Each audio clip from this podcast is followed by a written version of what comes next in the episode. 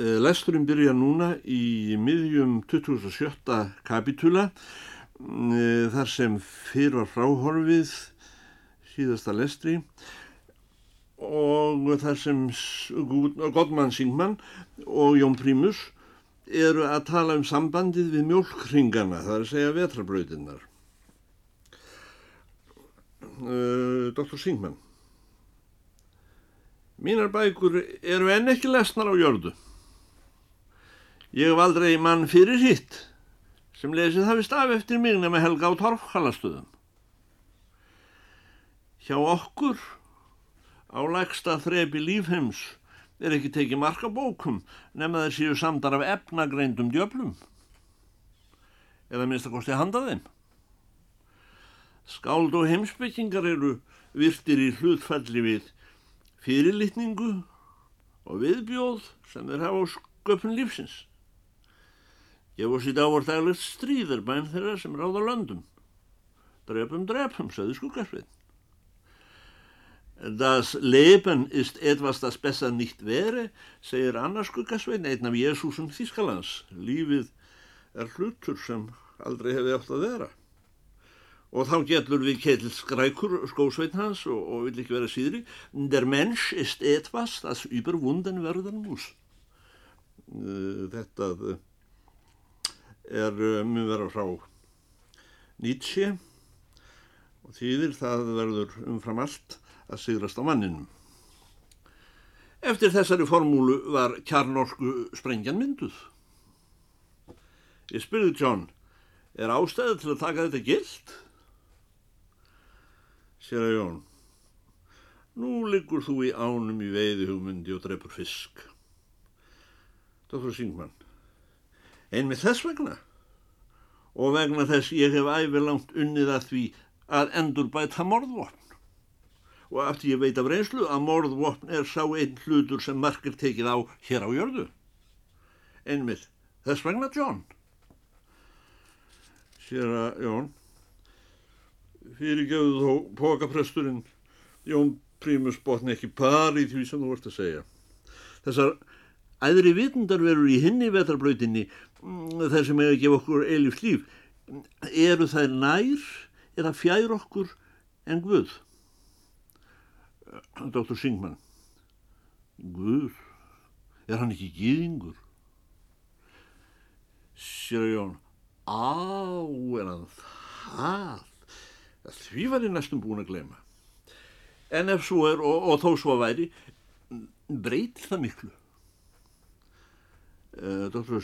Singman Næja, breytir akkurat öngu Aftur á móti vantar okkur ekki gýðing og enn síður vantar okkur þá sem hafa stóli guði af gýðingum eins og Pávin og Múhameð Sér að Jón Ég vissi ekki að þú værir á móti gýðingum myndi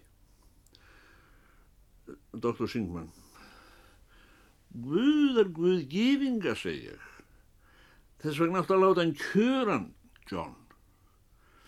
Það sem þú hefur stólið verður aldrei þitt. Gýðingar getur farið í mál við þessa guð þjófa og fengið á dæmda í tuktús eftir Bernarsamþyktinni sem leggur þung viðlug við þjófnaði á patentum og hugsmíðum. Að ég nú ekki nefnin heksli eins og það þegar þeir kristnur gerðu sér lítið fyrir að stálu að gýðingun þjóðarbókmentunar og skektu aftan við hana grískri næturvinnu sem þeir kalla Nýja testamenti og mestmægnis útúrsnúningur á Gamla testamentinu. Þau ekki antisemitístrið. Mitt kjörur er látum gýðinga eiga sig. Þeir sem doffýra sig með stolna guði eru ekki raunhæfir. Sér að Jón gaman að þú skulle hafa veikt upp orðið raunhæfur sem bílstjóðarnar okkar eru fænir að nota núna um nýja tegund af frostlegi. Segðum við sögumyndi, eru við raunhæfir, þú og ég? Er heimunum sem við lífum í raunhæfur og ekta? Dr. Singman,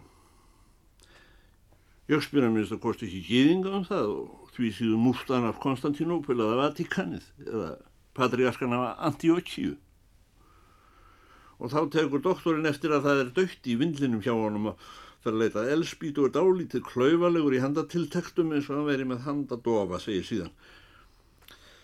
Einhver hefur þú smíðað þetta, heldur það ekki, John? Sér að Jón,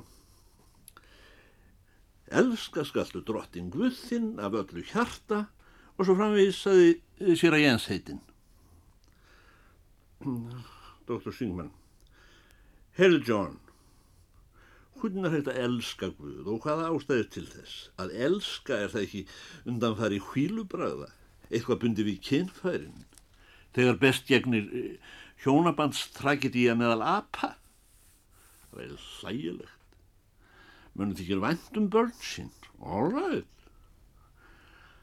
En ef einhver segði sér þykja vænt um Guðu, er þetta ekki Guðlast? Sér að Jón tekur sér nú enn í munn hið fyrðulega orð það og segir ég tek það gild. Dr. Singman, hvað áttu við þegar þú segist taka Guð gildan? Samþyktir þú að hann smíðaði heiminn? Þykir heiminu svona góður eða hvað? Þessi heimur? Eða ertu svona ánaður með sjálfaðing? Sér að Jón, hefur þið tekið eftir því að ærin sem var að jarma fyrir utan gluggan er þögnuð. Hún er búin að finna lambi sitt. Og ég trúi því að kálfurinn hér í túninu hafið það af. Dr. Singman Ég veit eins og vel og þú, John, skeppnurnar eru fullkomlega svo langt sem það ná og manneskjan lægst að þrepið í öfugt þróun jarðlífsins. Það þarf ekki annað en bera saman myndar keisara og hundi til að sjá það eða bonda á hestinu sem hann rýður. En ég fyrir mína partana eitthvað að taka það gild. Sér að Jón Prímus. Hann eitthvað að taka það gild. Við hvað er þá átt? Sjálfsmorð eða hvað? Dr. Singman. Nú þegar samstillingin við aðra mannkinn standur fyrir dyrum, þá er loks hafinn þáttur sem hægt er að taka mark á í sögu jarðarinnar. Epagógík ber fram rauk til að sanna skaparann að lífið sé með öllu marklaust tryggs nema það sé eilíft. Sér að jón hver á að festa bjöllun á köttin? Dr. Singman, af hálfu ebagógíkurinnar erum fullkomlega rögrænan málaflutningaræða. Ég hef í sex bindum sannað mitt mál með ósveikjandi rögum, með að segja lögfræðilega. En það er vitanlega ekki einlýtt að nota kaldan rögstuðning. Ég leifi mér að höfða til drengskapar þessa gáfaða smiðs. Ég spyr hvernig getur þú látið þetta í huga að afhenda djöblum jörðina? Svo ein hugssjón sem djöblar geta saminast um, það er að hafa stríð. Akkur eru leifirðu djöblum jarðarinnar að játa þér ást sína í messum og bænum eins og þú væris herragvöð? Hvers ósigur er það þegar djöblar jarðar hafa nú komist yfir vél til að afmá allt líf? Hvers ósigur er það ef þú lætur jarðlífi deyja í höndum þér? Getur smiður himnana lotið svo látt að láta þíska heimsbygginga skipa sér fyrir verkum? Og að lokum, ég er kvikindi sem þú hefur skapað en fyrir bræðið er ég hér eins og þú. Hver hefur gefið þér rétt til að þurka mig út? Er réttlæti í, í, í þínum augun hlægilegt fram með plöggin? Þú veist að minnst að hvort skildur að láta mig rýsa upp. Nú var spólan uppi svo ég náði ekki síðustum rauksemdum um nöðsinn lokk króka til að koma vitinu fyrir skaparan og ekki náði ég heldur fullri skilagrein um speiki Schopenhauers og Nietzsches. Ég um, skipti sem varlegast um spólu í því trösti að öldungar þessi tveir væru komin það til ára að þeir hefðu hellu fyrir eira og erðu ekki varir við pukrið í mér. Um, þegar spólan snýst aftur og bandi fyrir að renna, heyrist mér sér að Jón Prímus sé eitthvað farin að bera bríður á epagógik með rökum Eh, sem eru honum eiginleg. hann ger ekki mun á teóriu og fabúlu nema fabúlan sé handa krökkum en teóriur þjóni helst í markmiði að sannfæra guðum einhverja férstæðu ellegar hafa það afsökun og skálkaskjóli til að skjóta. Hann heldur áfram að tala. Sér að Jón Prímus. Æ, þetta er allt sama gull í sama nóga Nefn á okkar tíð eru heimsbyggingar og prestarfarnir að kalla sig hugmyndafræðinga. Teóriur og trúarbröðan einhvern þó æfintýri handa börnum eru kalluð hugmyndafræði í hverju orði. Ég hef bara eina teóriu myndi minn. Dr. Singman, þó það, kannski hún eigi eftir að frelsa heiminn? Sér að Jón, hún er að minnst að kosti ekki lakar en aðrar teóriur. Dr. Singman, Kondu með hana, John. Sér að Jón, ég hef þá teóriu að vatn sé gott. Dr. Singman, við hvefið eða hvað? Sér að Jón, skilmála löst. Þarf ekki einu svona að fara eftir minni teóriu nefnum að þessi þistur. Dr. Singman, þetta er poesi, John. Löngu úreld. Það stendur með að segja hjá Göti gráist allir teóri. Nú eru tóknabandinum. Síðan má formerkjað aftur að fara að tala lágt og sent, það er sér að Jón. Ég var að vona að hann vittnaði aftur í Davíðis sáluminnum blóm sem er svo góður. Svona kyrlátt tal með laungum þögnum á milliminir og sílungsbóða hér og þar á lignu vatni undir kvöld. En það voru ekki Davíðs sálmar. Sirjón Prímus Manstu þegar úa hristi lokkana? Manstu þegar hún horða á okkur og hló? Tók hún ekki sköpunin að gilda? Afneitað hún nokkru? Módmælt hún nokkru? Það var sígur skapar hans í eitt skipt fyrir öll. Allt sem var hverstarslegt og í meðalagi, allt sem átti sér takmörk, það hætti að vera til þegar hún kom. Heimurinn fullkominn og ekkit skipti lengur máli. Hvað meinar úa þegar hún sendir mönnum skeiti og segist vera döð? Doktor Gottmann Singman er staðin á fætur og búin að leggja saman sætið á derbystiknum sínum. Hann er fann að horfa út um gluggan. Rollan likur á hlaðinu og er að jórtra á lambið fast upp að henn og jórtra sínuleiti og ber munnin afar títt. Hann svarar sér að Jóni í prímusi og snýri hann hnakkanum og horfur út um gluggan. Já, hún var þín kona. 2007. kapitúli Fívill og Hunánsfluga. Sér að Jón Prímus. Það er eftir tilvill of mikið sagt að hún hafi verið mín konamundi. Hver ákonu eins og úr? Hver áblómvallarins? Dr. Gottmann Singman stendur í byrstunni frá glugganum að horfa á kindina og gerir næstum dimt í herberginu með þessar breið og axlir í þessari stóru treyju. Það er sagt að sá maður sem fyrstur varð til að líka kvennmanni við blóm hljóta hafi verið séni. Sá sem áðað eftir næstur hefur áreðanlega verið asni. Hvað er það að kalla þann mann sem ber sér slíkt í munn í þriðasinn.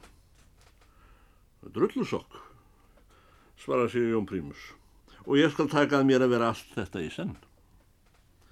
En ég vona það breytiðingu í orðum sánaskáldsins. Hefur þér aldrei dótt í hug að hugsa vingjarlega til Guðs fyrir að hafa skapað akursins liljugrös? Dr. Singman, blóm? Næ. Ég er Guðrættur í fylstu merkingu orðsins. Ég hef einlegt verið hrættur við Guð. Ég hef verið svo hrættur við hann að aldrei hefur nokkur dýrlingur á miðaldónum verið hrættar við djöfulin. Sá Guð er hræðilegur sem hefur skapað hvernmann eins og úu. Þegar hún var í þrjú ár búin að standa fyrir hóruhúsi sem ég átti í Suður-Ameríku sendi ég hann í klöstur. Næstu þegar ég sá hana var hún orðin margra barnamóður í, í Norður-Ameríku. Skilin við mennina og börn döð. Sér Jón Prímus. Mundi, þú sem er svo duglegur að lesa og skrifa bækur. Eina sögu eittir að lesa. Hún hefur mér innlegt þótt svo góð. Það er sagan um fývil og hunungsflugu. Má ég segja þér hana? Dr. Godman Singman snýr sig við og horfir í fórundran á soknarprestin, fornvinsinn, augum sínum votum með rauðum slitnum hrömmum sem í senn eru ásakandi og byggjandi raunamett og fróm, auðmjúk og grimm eins og augun í þeim blóðhundi sem ber hrollvækið nafn. Er þó mennlaug söstur hunda. Sér Jón Prímus. Það var einu sinni fívill og hunánsfluga. Doktor Singman, ef þú ætlar að fara að segja mér söguna um fívill og hunánsflugu, John, þá lem ég þig. Lýrik er viðbjóðslegasta rugg sem til er á jörðinni að Guðfræði ekki undanskilinni. Ég fann að sofa. Sér að Jón Prímus. Þegar fívill kallar mig ilmi á flugu að gefinu hunang og flugan ber frjóin úr blóminu burt með sér í leiðinni og sáur þeim í fjallegum stað. Það kallar ég mikið samband. Má gott heita ef hægt er að stopna meira samband þó samgöngunum við mjölkringana verði kipt í lag. Dr. Singman hefur snúið sér út af glugganum aftur. Einkennilegt að maður skulle aldrei vera þreyttur að horfa á söðfíð. Hvað er það sé? Laung þögn að undanteknu suðinu í spólunni minni og geti eins verið hella fyrir eira. Doktorinn snýr sér frá glugganum og ætla að fara að fara. Gammal tröllkall, laraður af að búa í fjallagnúpum og vaða strömmvötn heim til sín brjóstungur kannski með hjartverk. Hann hættir að tala sem höfundur epokókíkurinnar og röttin verður ám og stökk. Dóttur Godman Singman. Ég út í kofa að handla mér miðnóttina, áður við leikjum á jökulinn. John, viltu byggjast fyrir með mér? Sér að Jón Prímus. Helst ekki vinnur. Ég er komin út úr öllu þess áttar. Nútíminn bustar í sér tennurnar í staðin fyrir að fara með kvöldbæn. Dr. Godman Singman. Kanski er það ekki heldur rétt. Mér er allt þetta sér svona í hug af því við höfum báðið þekkt úu. Fývill og hunámsfluga segir þú. Það er einmitt það. Fývill og hunámsfluga. Það er heila málið. Samt fannst mér við hefðum getað beðið þessa bæn saman. Sér að Jón Prímus. Hvaða bæn? Dóttur Singman. Æ, ég veit það ekki. Kannski þetta er sér að Pál. Sér að Jón. En í trösti? Hvernig er hægt að muna það eftir að hafa færið svo langt og verið svo lengi burtu? Dóttur Singman. Know, John. Kannski ég sé öll þreyttur. Ég vona þú misvilir ekki við mig, John sér að Jón Prímus. Ég er bara laungu komin út úr því. Sér að ég setin á Setbergi bað aldrei bæn en það var hann heilagur maður og spásagna maður. Guð myndi skella upp úr að ég fara að byggjast fyrir. Dr. Singman. Fyrir ekki áttur, John og láttu mig vita ef þið vanhagar um eitthvað smáræði sem ekki fæst hér á Íslandi. Ég skal kaupa það handa þér og senda þér í posti. Sér Jón Prímus. Þetta er fallega búið og þér líkt myndi minn. En ég get nú svo sem látið þig hafa öðra. Verst að mig vantar ekki neitt.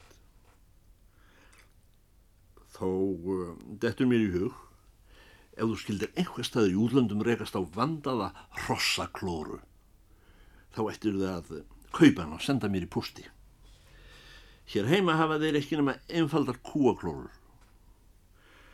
Dr. Singman Hestaklóra, yes, yes. Ég skal reyna mjög með það, John. Góða nótt, John. Og ungi vinnur þú sem ert að leggja á djúpið, legg þú á djúpið. Exit Dr. Godman Singman og lokar á eftir sér marrandi hurðinni. 2008. kapitúli Jökullin Þegar verður að skýra frá kristnihaldi undir jökli má aldrei gleyma jöklinum að minnst að kosti ekki lengi í einu.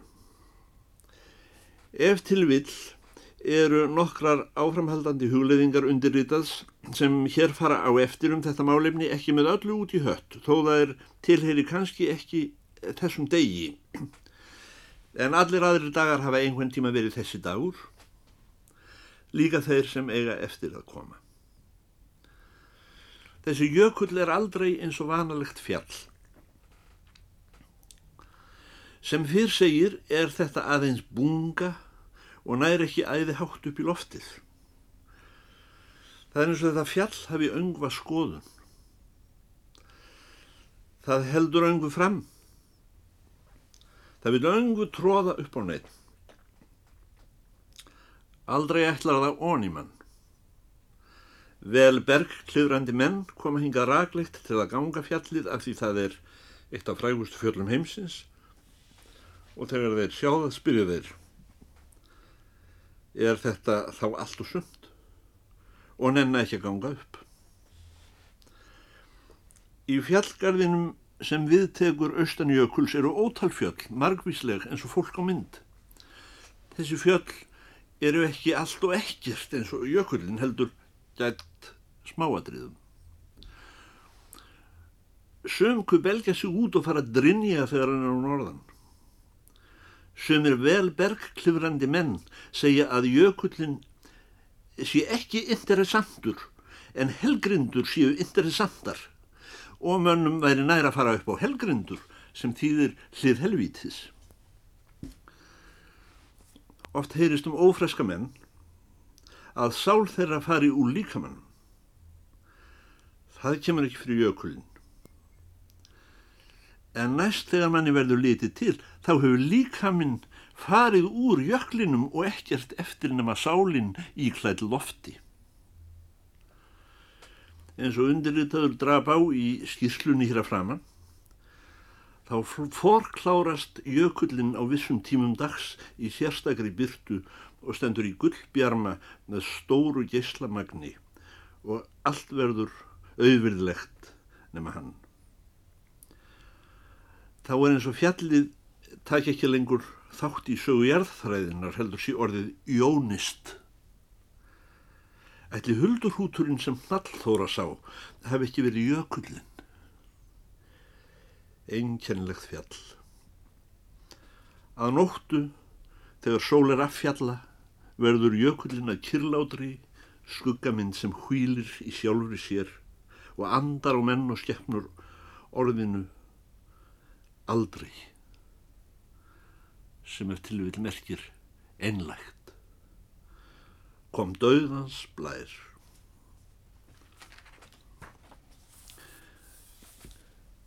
Tuttugust og nýjundi kapitúli, Hjarteinum frestað. Nú er frá því að segja, er umbóðsmaður í þar eða rifin upp að morgnisnema, en hafði kvöldið á undan orðið áhersla samtals þess sem fyrr var ritað. Barinn með nefum að dyrum mínum, þó ekki með hnúanum heldur handarjæðrinum eins og hvern menn nota hnefan til barsmíða.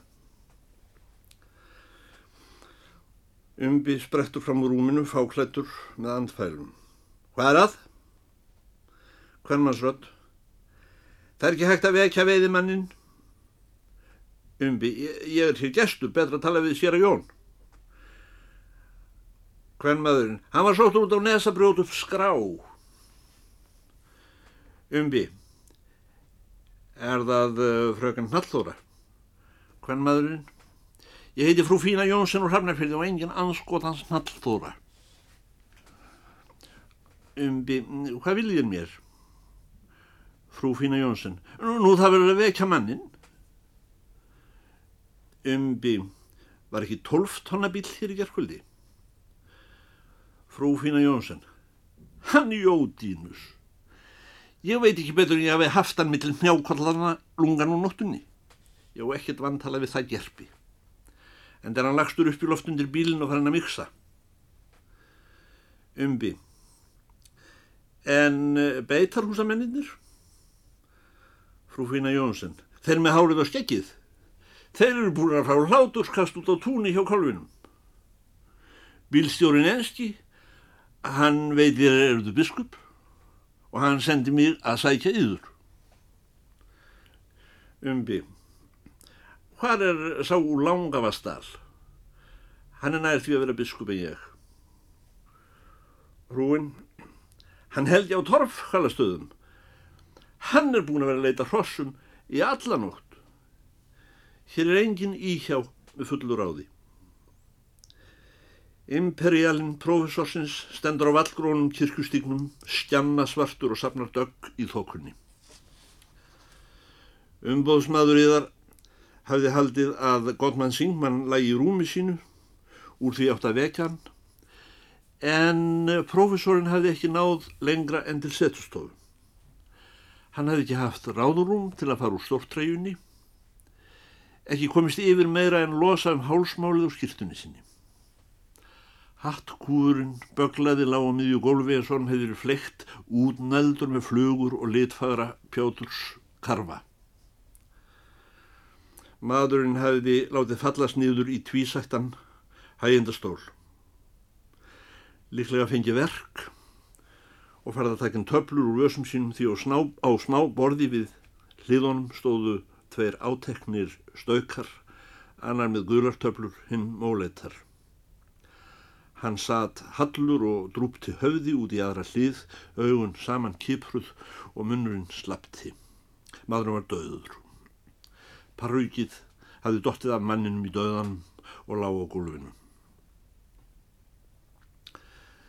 Bílstjórin var reyndar sá maður að stóð fyrir bústangi leiðangursins. Hann hilsaði og nefndi sig Mr. James Smith, the butler. Butler þessi vildi að líkið eriði fæst í svefnhús innar af skála. Síma er ekki lokið upp í sveitum fyrir ennum 0800 svo ekki var náð til læknis þegar í stað af 8 festa mannslátið. Undirritaður spyr þann að breyta hvort eigi sér rétt að hveðja til þrjá samverkamum profesorsins. Butler James Smith, hvaða menn eru það? Þegar mér hafi tekist að koma honum í skilningum hvaða menn ég átti við, segir hann, mm, eh, þeir eru ekki spurðir. Ef þeir kom inn fer ég út.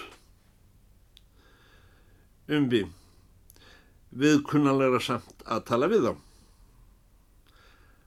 Mm, Böllar, á yðar ábyrð.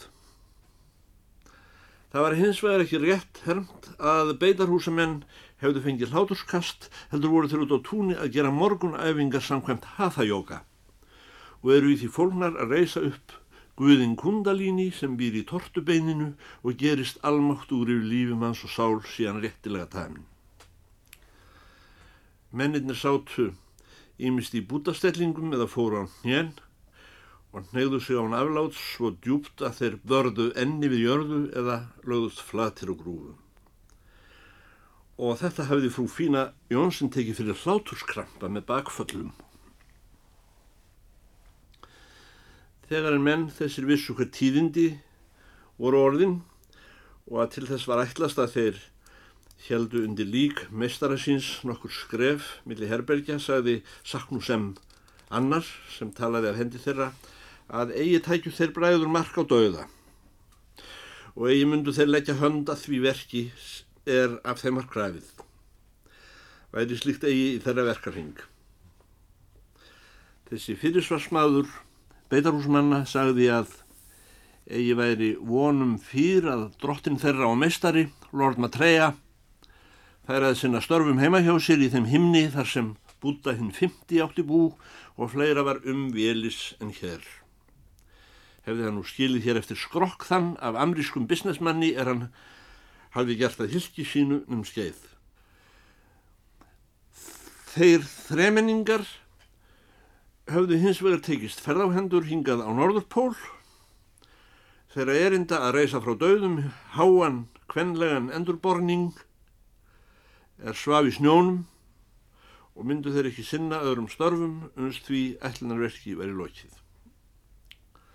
Var mönnum þessum nú mest nöðsin á að efla með sér almættiskraft af þeim eldi sem fælin er á botni mænuhólunar í mennskum verum slöngu eldinum kundalíni. Gíjarinn vildi fyrir sína part að gera gott úr því afskiptaleysi sem lesið varð út úr yfirlýsingu fyrirliðans Saknúsems annars og byrjuði að tuldra eitthvað fyrir munni sér heldur döflega á líkt áheyrilegri ensku sem var blandinn spænskum glósum Senjóris, ég legg til Porkvei og Amo og Sotros að við þurkum á honum höfuðið. Við þurkum það þanga til að það er orðið grjót hart og starfið kartöflu. Síðan höfum við það að veðurvita á domkirkjun orður heimskutsins. Þá getur sá sem hafið það að láni og, og nú er farin heim til sín í fymta heiminn, haldið áfram að tala við það, út um það og fyrir það til vor tambíun muchas gracias. Hinn somandi mistari Epimeníðes stóð brosand á fætur, snýri sér undan og gekk þrjú skrefburt frá hinn. Blóm koronamannsins lág í grasinu. Það voru búinn úr einu flestut blómin og því miður litla líkur á hann í yksu í staðin. Síðan fór maðurinn á rammana og let ennið hvíla á jörðinni. Þá kom það upp úr dúrnum sem enginn hefði tekið eftir sækir anríks að þessu morgni að jökull sá sem menn af fjórum skautum veraldarheimsins höfðu verið í því ráðnir að klífa nú með morgninum. Hann var á bakubult. Allt í kafi í þóku langt onni byggð og helgi á torfkvælastöðum í þókunni að leita hrossum. Jódínus Álfberg skáld. Grósirinn er döður en hann var búin að borga. Hann borgaði vel því þetta var stórgróssýri. En úr því helgi á torfkalastöðum finnur ekki hrossin og hefur týnst sjálfur og jökullin komið til anskotans. Hvað með þá 12 tonn og 18 hjól? Ég er að svo að segja enska síslumanninum að Jódínus fari nú burt með 12 tonnabílin og skruppverkið og komið aftur þegar byrtir upp. Segið síslumanninum að þó ég sé ekki fýtmaður, heldur bara alþýðumadur, og verkamæður og þar ofan Íslendingur og skáld. Þá svíki ég ekki döðan mann sem er búin að borga. Má bæta því við að þetta var einn þeirra morna þegar líkt er að búið verið að tróða upp í rifur og gött á veröldinni og bræða yfir. Ekki einu sinni smuga handa kraftaverki